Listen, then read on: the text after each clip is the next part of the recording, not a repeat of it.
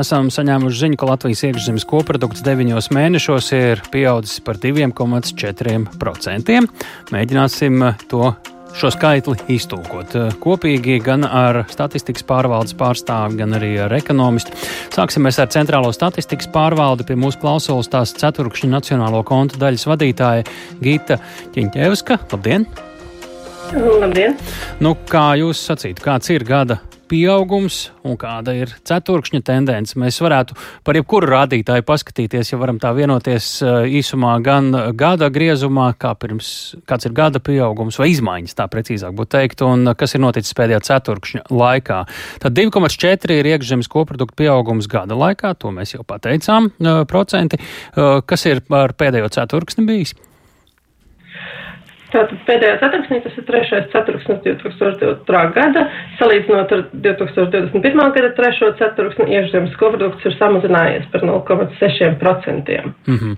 Ja es nezinu, kas jums pa telefonu, bet ja ir iespējams nevis skaļrunī, bet klausulē runāt, jo tad ļoti mainītos sakaru kvalitāti, bet ja nav iespējams, tad turpinām. Uh, šobrīd uh, nākamie skaitļi, ja runājam par svarīgākajiem rādītājiem, uh, paskatoties uz uh, to, kas mums ir, nu, vispirms jau viss iedalās kopā ražošanā un pakalpojumos. Un ar, tās ir tās divi, divi lielie iedalījumi. Ko mēs šeit redzam, kādas izmaiņas ir bijušas gada un ceturkšņa laikā? Uh, ražošanas uh, nozarēs pieaugums ceturksnī atvainojos samazinājums par 3,9% un pakalpojumu nozarēs pieaugums vērojams 2,2% ap, apmērā. Mm -hmm. Un, ja mēs, pask jā, ja mēs paskatāmies uh, gada griezumā, nē, šis jau bija gada, nē, šis bija ceturkšņa. šis bija ceturksnis, jā. jā. Un gada laikā, ko mēs redzam? Tā, gada laikā. Tā, Skaitļi daudz no... vienkārši, jā, tur kamēr atrod īsto rindkopu. Jā. Jā. Deviņos mēnešos ražošanas nozarēs kritums ir par 1,1% un pakalpojumu nozarēs savukārt ir pieaugums par 4,4%. Mm -hmm. nu, tagad mēs droši vien varētu izceļot cauri uh, tam, kas notiek jau pa konkrētākām nozarēm. Šeit mēs redzam, bet, ja iespējams, ja jums varbūt ir jau kaut kur pasvītrots, uh, kur ir tās būtiskākās ietekmes uz to kopējo ciparu mums šobrīd, gan gada griezumā, gan arī ceturkšņa griezumā, ko jūs redzat, uh, nu, es pieļauju, te ir ļoti daudz, kas uh, rūpniecība, būvniecība veselībā uh, un tā tālāk. Ja, ko jūs uh, uzskatāt par svarīgu, ko, kas jāpiemina? Uh, preses relīzē par trešo ceturksni, ko mēs Jā. pieminam un Jā. ko es varētu iz, uz, uzsvert kā svarīgāko Jā. un lielāko pozitīvu ietekmi uz iekšzemes koproduktu. Šajā ceturksnī nodrošināja informācijas un komunikāciju nozaru darbības, kur pieaugums ir par 14,2% stabils un ilglaicīgs pieaugums vērojams administratīvo un apkalpojošo dienestu pakalpojumu darbībās par 22,4%, kur izaugsmu uzrāda arī visas uh, apakšnozars. Tāpat jāuzteic arī izmitināšanas un ēdināšanas pakalpojumu nozare, lai gan nozars pieaugumu par trešdaļu 33% ietekmē vēl pagājušā gada ierobežojumu Covid laikā Un grūtāk pēc ilgstošām pozitīvām tendencēm iepriekšējos periodos šajā ceturksnī gājas apstrādes rūpniecībai, kas uzrāda samazinājumu par 1,6%. To galvenokārt ietekmē kritums lielākajās apstrādes rūpniecības nozarēs, tādā kā pārtiks produktu ražošanu koksnes un koka izstrādājumu ražošanu tad vairākus ceturkšņus pēc kārtas samazinājumu uzrāda arī būvniecības nozara, trešajā ceturksnī par 13,6%. To joprojām negatīvi ietekmē pieaugošās būvniecības izmaksas, kas samazina pieprasījumu un kritums vērojams visās trīs būvniecības apakšnozarēs. Mm -hmm. Šajā ceturksnī samazinājums bija arī tirzniecības nozarē par 10,3% procentiem, ko ietekmē kritums vairuma tirzniecībā par 23%. Savukārt pozitīvi nozari atti, ieguldījumu nozares attīstībā uzrādīja automobīļu un motociklu tirzniecība un remontu nozares attīstība, kā arī mazumtirzniecības pieaugums. Mm. Jā, labi. Esam ieskicējuši to redzamāko. Ja jums izdodas tajās tabulās norientēties, es, protams, gribētu saprast arī, Vai šis trešais ceturksnis izskatās kaut kādā ziņā varbūt drusku mierīgāks ar mazākiem lēcieniem, kā varbūt pirmais un otrais ceturksnis, kad mēs piedzīvojām straujas ģeopolitiskās izmaiņas, nu, vai tomēr tās tendences šobrīd ir pietiekami līdzīgas vai pat tieši pretēji tādas vēl trauksmainākas ir redzamas pārmaiņu tādā amplitūdas, izmaiņu ātrumā, ja mēs skatāmies uz trešo, uz otro ceturksni un nedaudz salīdzinām tur pat nav vispārēji jums jāraksturo, varbūt ar vienkārši kādu piemēru var piesaukt un uh, ko, ko jūs redzat, ko jūs jūtat? Um, kā piemērs varētu būt, nu, uh, piemēram, nu, to, kas arī teicu, apstrādes rūpniecībai bija iepriekšējos astoņas ceturkšņus pēc kārtas bija pozitīvs rezultāts.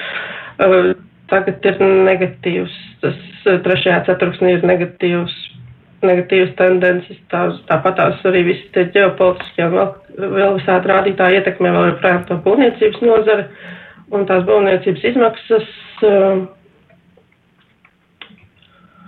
un tad, uh, protams, izmitināšanas nozare ir bet pozitīvs. Tad Tad jūs redzat, ka tas trešais ceturksnis tomēr uh, ir ar tādu diezgan uh, radikālu, pietiekami redzamu atšķirību uh, no iepriekšējiem ceturkšņiem tieši šī gada trešais ceturksnis. Ja?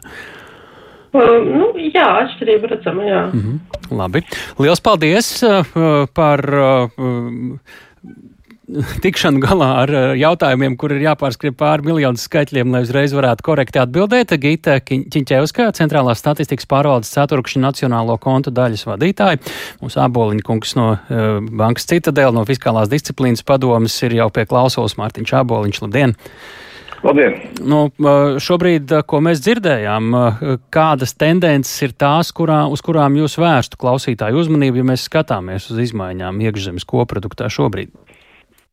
Nu, pirmā droši vien tas, ka mums trešajā ceturksnī mīnus pret pagājušo gadu, un te faktiski mēs tikai ar Igauniju esam šobrīd Eiropā, kuriem jau ir iezīmējies um, iekšzemes koproduktu kritums. Um, saprotam, ka šobrīd nu, tā ekonomiskā situācija ir nu, pietiekami sarežģīta visā Eiropā dēļ energoresursu cenām, dēļ inflācijas, dēļ kara Ukrainā.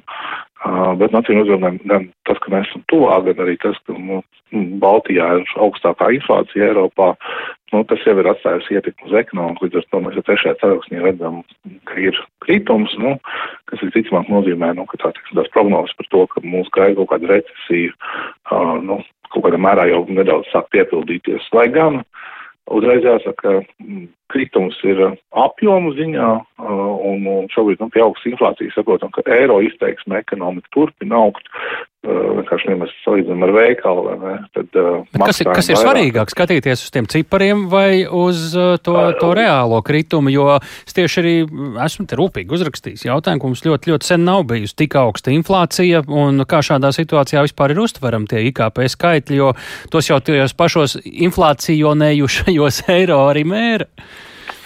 Jā, nu, jāstāsta ir abi, jo, jo abi kaut ko, teiksim, raksturo skaidrs, ka, teiksim, uzņēmē darbība vispār ikdienā nu, darbība notiek eiro izteiksmē, vai ne, nevis salīdzināmās cenās, līdz ar to uh, tas ir svarīgi, bet, bet, protams, ja ir negatīvs, teiksim, kritums reālā izteiksmē, nu, salīdzinot ar veikalu, nu, mēs ejam uz veikalu, maksājam vairāk un nopērkam pat varbūt nedaudz mazāk, vai ne, nekā pirms tam.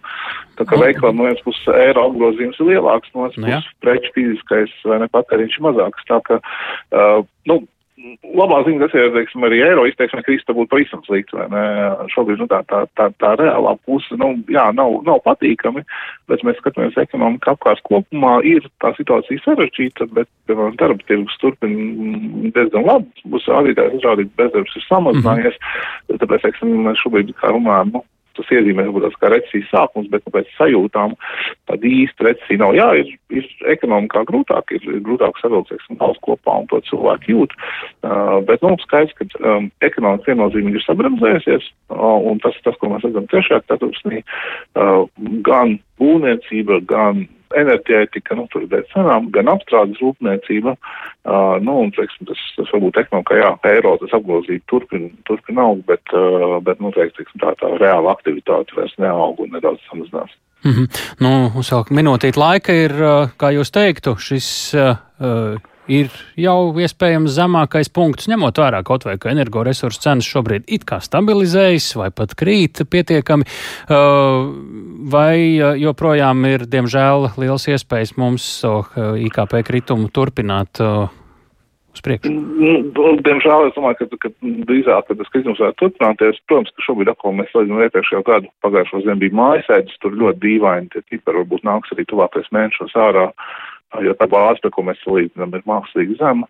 Uh, bet, nu, es teiktu, ka tas zemākais punkts izstāsta, ka varētu būt uh, nākamā gada pirmā puse, jo gan enerģijas rēķini, šobrīd apkurs rēķini, siltumenerģijas rēķini nāk, gan mēs redzam arī rūpniecībā ārējais pieprasījums, bet tā, ka pieprasījumi mazinās ne tikai Latvijā, bet arī visā Eiropā.